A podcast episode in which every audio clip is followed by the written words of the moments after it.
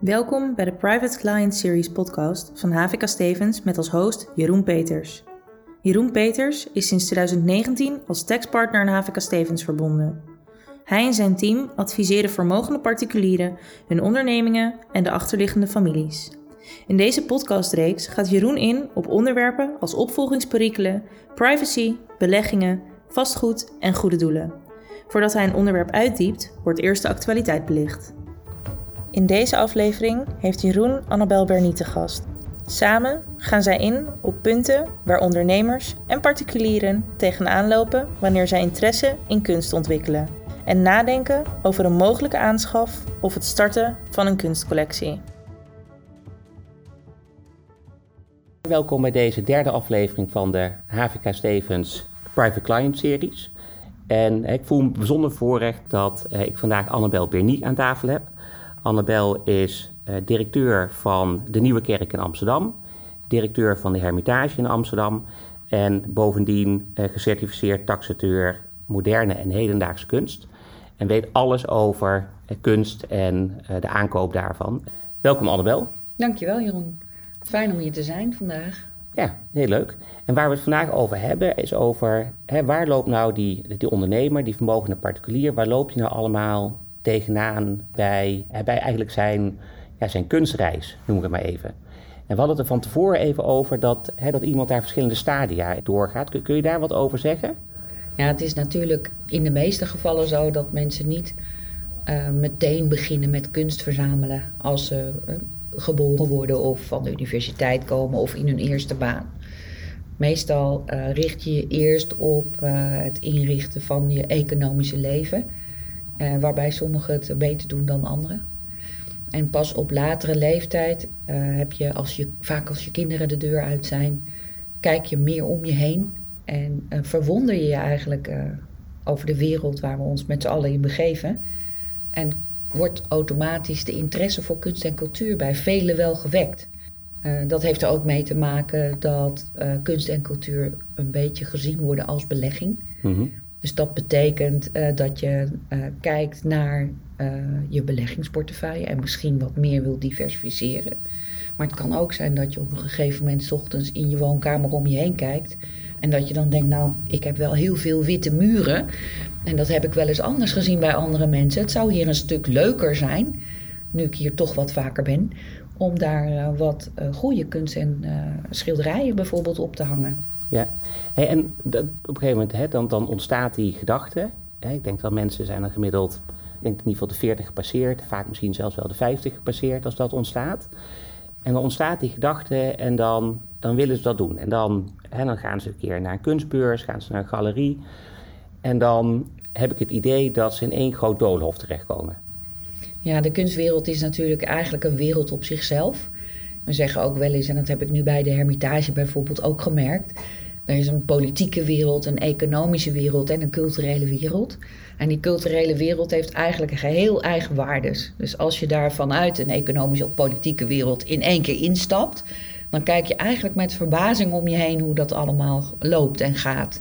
En dan is er eigenlijk een kust en keur aan aanbod dat inderdaad op je over kan komen als een doolhof. En ik denk dat het dan dat het aller, allerbelangrijkste is dat je bij jezelf blijft.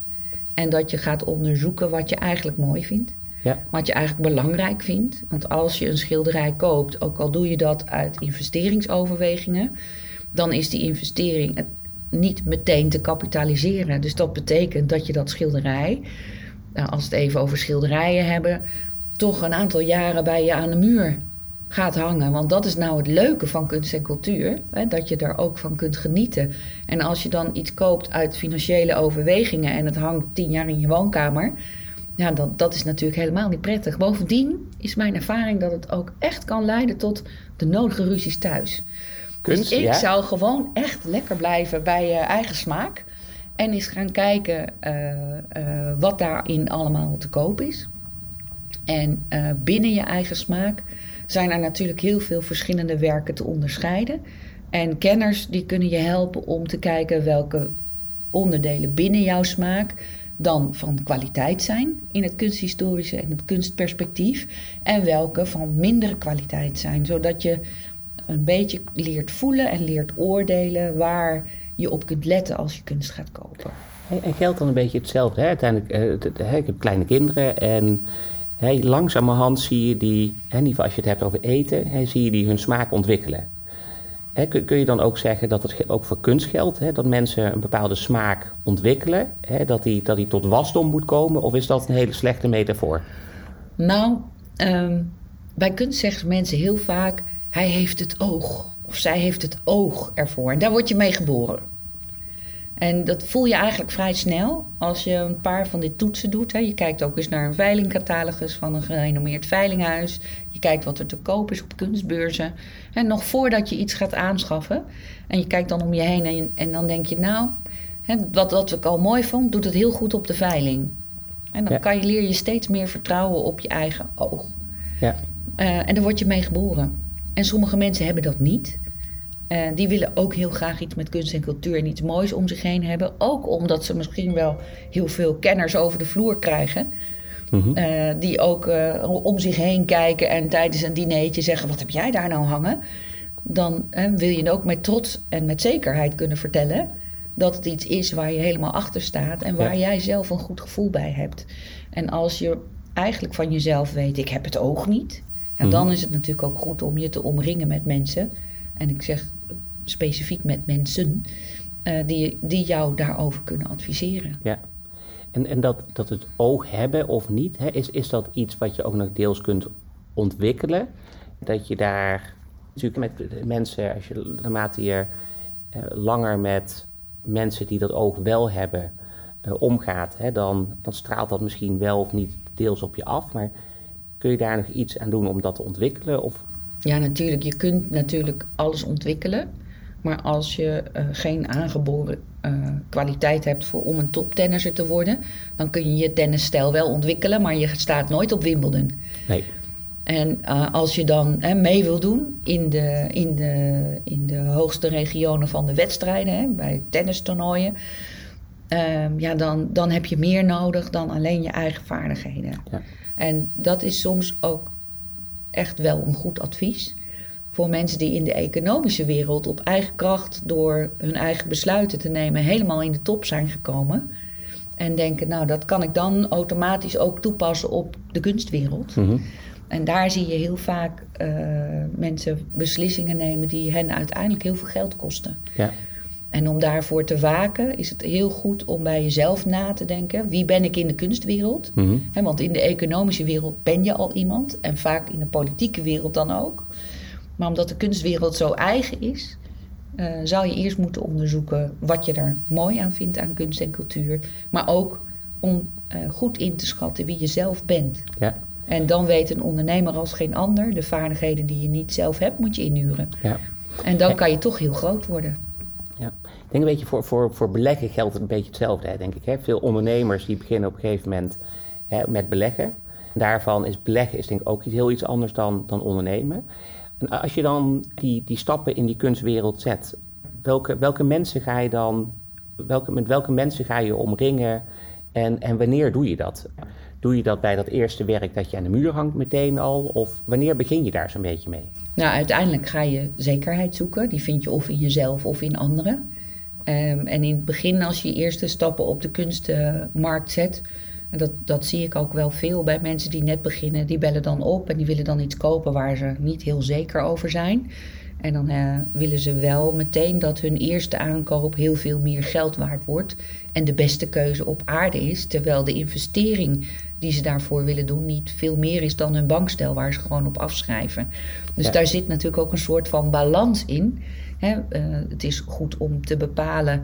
Ga ik het alleen maar kunst kopen om aan de muur te hangen of ga ik verzamelen? Mhm. En als ik dan echt ga verzamelen, doe ik dat dan met verstand. Ja. En hoe ga ik dat dan aanpakken? Nou, er zijn een aantal dingen waar je op kunt letten.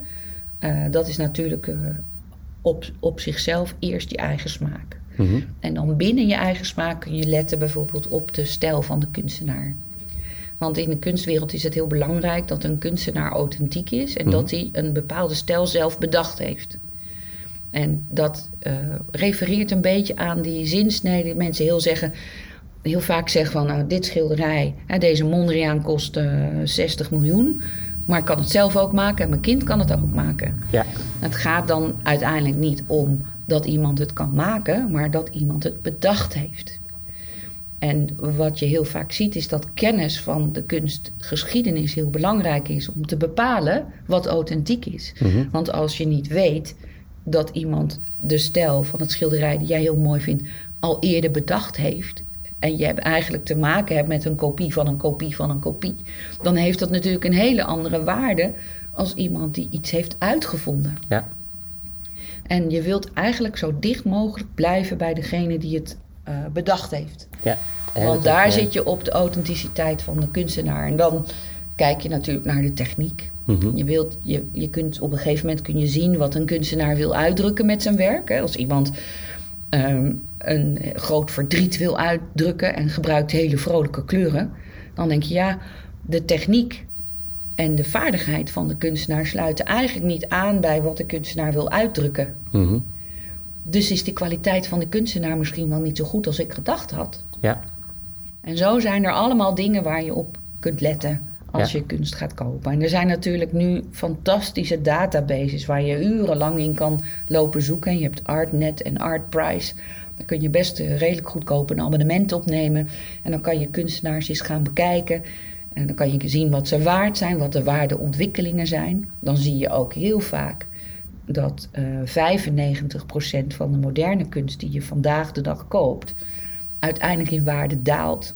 Ja. En maar 5% van wat er vandaag gemaakt wordt eh, in waarde gelijk blijft of stijgt. En dat stijgende waarde is vaak nog maar 3%. En dan moet je dus ook heel erg afvragen, al die vaardigheden, al die kennis van de kunstgeschiedenis, ehm, heb je die? Mhm. Wil je die leren? Dat kost heel veel tijd. Dan moet je dus ook geduldig zijn Ja. om iets aan te kopen. Maar je kunt natuurlijk ook de kennis betrekken. Nou, dat, die kun je op verschillende eh, vlakken kun je die vinden. Ehm, ik denk dat, eh, dat HVK Stevens goede contacten heeft met allerlei mensen die op dat veld actief Mhm. zijn. En dat die eh, mensen van dat kantoor je ook heel goed zouden kunnen helpen. Ja. Ehm, eh, dus ik zou het ook gewoon dicht in je omgeving houden. En dan kom je met mensen in contact die je kunnen begeleiden of die ervoor kunnen zorgen dat je de kennis krijgt, ontwikkelt of betrekt Ja. In je zoektocht naar iets moois aan de muur. Ja, geweldig. En dan, hè, en mensen bouwen dan een bepaalde collectie op. Hè, over, over een periode van, van jaren, soms, soms tientallen jaren. Er zijn allerlei ont- ontwikkelingen zijn er gaande. Ehm, in de media lezen we veel over NFT's. Hè, dan, dan hebben mensen op enig moment een collectie. En wat zie je ze dan gebeuren? Dan, dan worden ze ouder. Ik denk dan merk ik soms dat er ook wel wat zorgen ontstaan. Wat ga ik nu doen? Ga ik dat aan mijn kinderen nalaten? Waarderen zij dat eigenlijk wel net zoals dat ik dat waardeer? Eh, vinden ze het eigenlijk wel mooi? Je hoort soms van die verhalen dat kinderen al eh, hè, briefjes achter het schilderij plakken. Hè, met van, nou, hè, als er iets met pa en ma gebeurt, dan zou ik dat werk heel graag hebben. Terwijl vader en moeder soms ook zoiets hebben ja, maar het is meer, het hoort juist bij elkaar. Wat, wat, zie je in, in die, toch een beetje, hè, die laatste 10, 15, 20 jaar van, het leven van, van ondernemen met betrekking tot zo'n kunstcollectie? Wat zie je dan gebeuren? Het leuke is dat je een kunstcollectie ziet groeien. En dat je ook in een collectie altijd ziet dat eh, de interesse zich ontwikkelt in een bepaalde richting.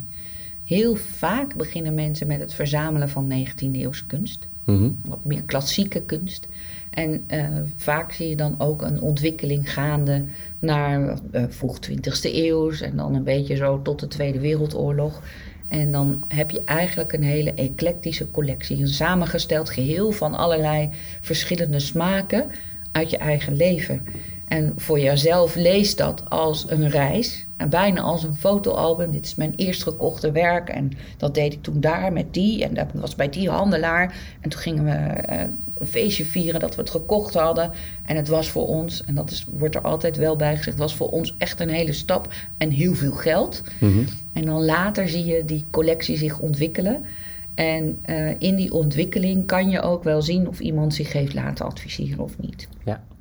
Uh, er zullen altijd kwalitatief mindere aankopen bij zijn. Er zijn altijd aankopen bij waar mensen spijt van hebben. Mhm. En uh, uh, dat, dat geeft een geheel aan collectie. als er een adviseur bij betrokken is, dan, dan is er vaak een thema gekozen. Ja. Dat heeft ermee te maken dat de kunstwereld zo breed en zo diep is. Dat het ook leuk is om iets te zoeken, een onderwerp te zoeken wat dicht bij je hart ligt. Mm uh, bijvoorbeeld, uh, dat zie je bijvoorbeeld bij het Lister Art Museum. Dat helemaal gekozen heeft voor food, voor eten en consumeren. Want het is een supermarktfamilie die daarachter zit. Ja. Um, en die hebben dat thema helemaal uitgediept en helemaal op het gebied van de moderne kunst. Mhm. En dan zie je dan automatisch een collectie ook veel meer samenhang krijgt. En op het moment dat een collectie samenhang heeft, uh, dat zie je ook bijvoorbeeld bij de Narding-collectie, die recentelijk een nieuwe vleugel heeft laten aanbouwen aan het uh, Singermuseum. Dat is vorige week opgeleverd. Um, dan zie je daar uh, dat het ook de moeite is om in die samenhangen te blijven tonen. Ja. En wat je vaak ziet is dat mensen verzameld hebben. Um, en het dan heel graag bij elkaar willen houden, omdat het hun persoonlijke herinnering is aan de reis die zij gemaakt hebben. Mm -hmm. Maar dat het voor musea en uh, kinderen die een andere smaak hebben, in een andere levensfase zijn of een ander type tentoonstelling laten zien in hun, in, in hun museum, vaak niet interessant is om dat bij elkaar te houden. En dan ja. krijg je uh, een, uh, een, een, gesprek over hoe je dat nou het beste kunt aanpakken. Mm -hmm. Nou, en dan zijn er altijd verschillende opties. De cultuur van de familie is dan ook, denk ik, een, uh, een belangrijk thema. Hè? Wat, hè, wat, wat wil je als gezin, als, hè, als familie? Hè, wat wil je nalaten? vinden we dat we als gezin, als familie een bepaalde nalatenschap moeten hebben? Willen we hè, iets uitdragen? Ik denk dat dat ook wel belangrijke onderwerpen zijn die dan ook ter sprake komen. Nou, de grootste drijfveer die ik gevonden heb, die daarachter zit, is vaak dat je kunst en cultuur ook toegankelijk wil maken voor andere mensen. Mm -hmm. En dat je de kunstcollectie wilt delen. Ja. En dan krijg je eigenlijk een hele brede blik op de betekenis van kunst en cultuur voor de ontwikkeling van mensen die het zien en in je omgeving. En dat is vaak op het moment dat je zo'n keuze moet maken en je bekijkt die hele collectie en je ziet je eigen reis, dat je ziet hoeveel die reis eigenlijk voor je betekend heeft. Mm -hmm. Niet alleen uh, op inhoudelijk gebied of op financieel gebied, maar ook tussen je oren. Omdat je je helemaal toegelegd hebt op een nieuw, nieuwe wereld. Mm -hmm. Die wereld hebt leren kennen op zijn eigen merites. Mm -hmm. uh, daar ook heel veel kennis over hebt. En door gesprekken met kunstenaars die altijd ook wel een andere blik op de maatschappij hebben, of gesprekken met experts die over 19e eeuwse kunst, dat je anders naar de wereld bent gaan kijken. En hoe uh, meer stemmig uh, je blik is, uh, hoe beter je besluiten kunt bekijken van allerlei verschillende kanten. Ja. En dat maakt je leven eigenlijk rijker. Hey, en zou je, zou, je, zou je ondernemers, families hè, adviseren om daar Om daar ook wat vroeger in hun leven mee te starten? Of zeg je van ja, je moet het eigenlijk echt pas doen op het moment dat je er, dat je er zelf klaar voor bent? Ja, ik denk altijd dat de verzamelaar is het uitgangspunt en niet de markt. Mm -hmm. Dus sommige mensen hebben daar wel spijt van dat ze niet eerder zijn begonnen. Maar ik denk wel dat als je er niet aan toe bent en je begint, dat de keuzes die je maakt niet altijd de beste keuzes zijn. Ja. Dus dit gaat toch uit van een soort balans in je leven waarbij je naast je economische succes om je heen kijkt en denkt: ik wil me gaan oriënteren op een andere wereld. Ik wil meer doen met mijn omgeving. Ik wil de wereld een stukje mooier maken. En dat, dat doe ik hè, bijvoorbeeld met een goede doelenstichting. En ik doe dat uh, met een bepaalde insteek uh, om iets te betekenen voor onderwijs of voor kinderen. Mm. Uh, maar je kunt dat ook doen door middel van kunst en cultuur. Ja. Ja. ja. je moet er ook wel echt gewoon de tijd voor hebben en de tijd voor vrijmaken natuurlijk. Nou, ik denk dat als je er echt geïnteresseerd in raakt, dat je op moet passen dat het niet al je tijd gaat nemen. Want het is fantastisch om je mee bezig te houden. Ja. Eh, je zei al met kunstenaars praten. Hè, dus dat zijn dan vaak, hè, dat zijn dan natuurlijk per definitie nog de levende kunstenaars. die, hè, die kunnen overbrengen wat ze met hun werk bedoelen. Zou je aanraden die starten om, om, om ook gewoon eens heel nadrukkelijk daarnaar te kijken? Ook naar de levende kunstenaars te kijken? Het is sowieso leuk om een keer naar een eindexamen-expositie te gaan van een eh, kunstacademie in Nederland of in het buitenland, omdat daar kunstenaars hun werk presenteren. Ehm, het is trouwens wel een beetje een mythe dat kunstenaars daar fantastisch over kunnen vertellen. Want eigenlijk kunnen kunstenaars veel beter uitdrukken wat ze willen zeggen met, met beeld en met materiaal dan met hun stem. En mm er zijn er een aantal van die multitalenten bij die dat wel kunnen. Maar het is ook heel goed om, om daar met iemand te gaan kijken. Dat als er een kunstenaar is die eigenlijk helemaal niet zoveel kan vertellen, dat iemand dat gesprek een beetje op gang helpt. Ja. En daar zijn dan natuurlijk de docenten van de kunstacademies, uh, die zijn daar, die kunnen dat heel goed doen. Maar het is, het is leuk om een keer de eerste stap te nemen om een kunstenaar dan ook aan te spreken. En niet te kijken van nou, ik heb het werk wel gezien. Het is wel goed zo. Mhm. Maar ook echt, hè, de mensen staan daar dan voor, ook bij hun werk, zijn super trots op dat ze daarmee zijn afgestudeerd. En dat leidt vaak tot hele leuke gesprekken. Ja. We hadden het net al even over, hè? wat is nou de kwaliteit van werken en hoe, hoe selecteer je dat nou? En ehm, je zei hè, dat, waarschijnlijk stijgt maar 3% van de kunstwerken in, in waarde. Uh, en, en, sommige stijgen dan enorm in waarde en hè, 95% ja, die, die daalt waarschijnlijk in waarde.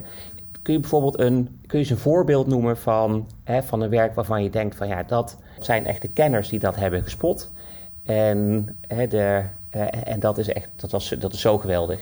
Nou, ik ken eigenlijk geen verzamelaar die zegt: Ik stond ooit op het punt om dit of dit te kopen. En dat heb ik toen niet gedaan. En nu heb ik daar heel erg spijt van, want het is een super succesvolle kunstenaar geworden. En ik was er helemaal in het begin bij en ik heb dat toen niet gedaan. Iedereen heeft zo'n verhaal. Iedereen. En met name in de galerie of in de kunsthandel komt dat nog veel vaker voor. Want mensen daar staan veel vaker op het punt om iets te kopen. wat ze dan uiteindelijk niet kopen, om welke redenen dan ook. Mhm. Maar uh, ja, dat gebeurt natuurlijk. En daar zijn wel hele leuke uh, verhalen over. Um, bijvoorbeeld, um, nou, ik denk een jaar 15 geleden, er is uh, Art Basel, dat is eigenlijk uh, met Freeze in Londen de meest belangrijke hedendaagse kunstbeurs ter wereld. Mm -hmm. Op Art Basel in uh, Zwitserland. En ik zeg erbij Zwitserland, want hij is nu ook in Miami en in Hongkong en in alle delen van de wereld. Uh, daar zat een kunstenaar in een stand met een paar kartonnetjes leuke poppetjes te schilderen. En die kartonnetjes kosten 100 Zwitserse frank, denk ik, per stuk. En ze verkocht er helemaal niks van. En er kwam een Nederlandse handelaar voorbij en die zag daar wel wat in. En die heeft toen die hele stand opgekocht en is gaan samenwerken met die kunstenaar. En zonder dat de kunst wat waard was, is hij haar gaan helpen met schilderen, met ontwikkelen. Um, heeft haar altijd gesupport. Had ook zelf een hele grote belangstelling voor dat werk natuurlijk. Hè. In eerste instantie werd hij verliefd op het werk en dacht: ik zie er wat in. Mhm. En het is mijn vak, dus ik ga dit doen. Zonder te weten wat de uitkomst is. En dan hebben we het over Ayako Rokaku. En we weten nu dat uh, in Hongkong op de veiling haar werken 7 ton opbrengen. En dat komt voor. En dat zijn diezelfde kleine. Nou, ze zijn iets groter, maar je kon het een paar jaar geleden hier nog uh, kopen voor 5.000, 6.000 euro. Ja. En dat hebben heel veel Nederlanders gedaan. Ja, geweldig. Ja, het is fantastisch. Maar stel dat jij daar in de diepte in geïnvesteerd had.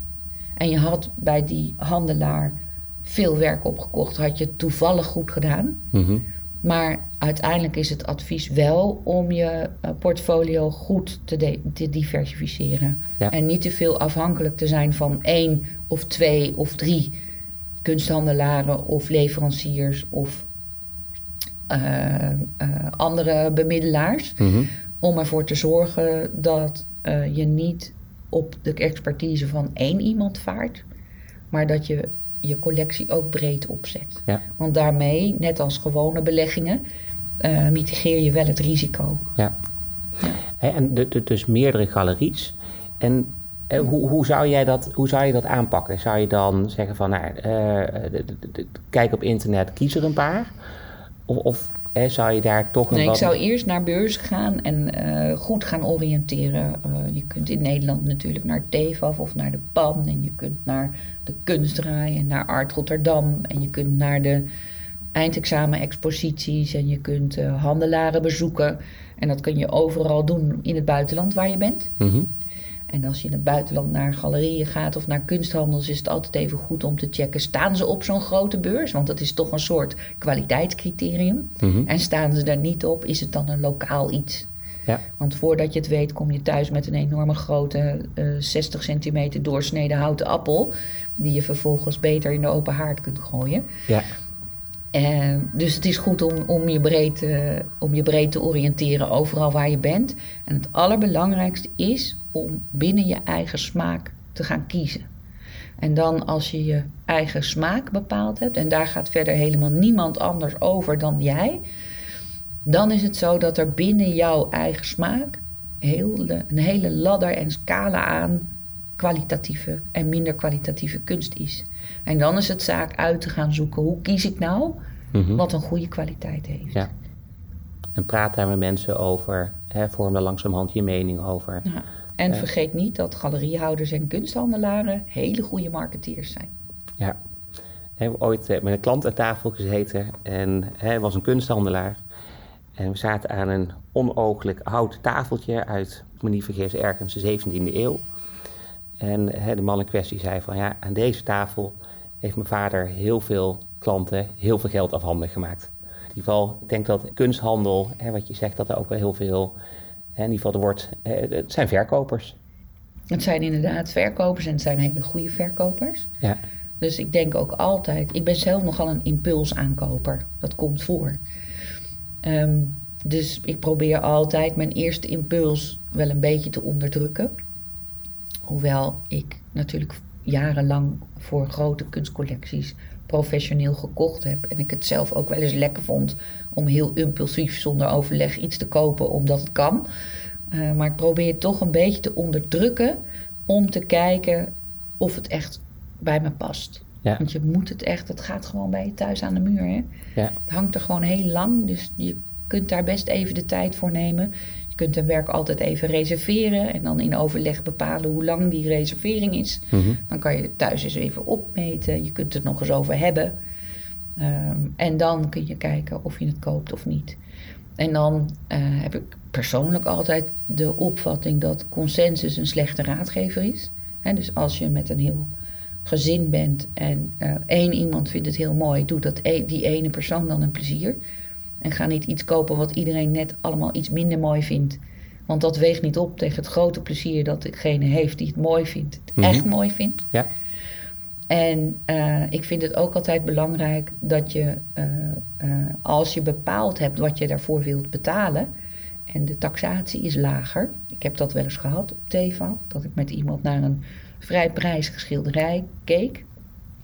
Laten we zeggen voor het gemak dat het een ton waard was. mhm, En na een hele lange onderhandeling eh, was het 25% te duur.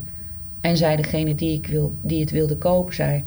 Dat vind ik goed. Ik wil dat mezelf wel cadeau doen. En ik vind het niet erg mhm, dat het 25% eigenlijk boven de marktwaarde is.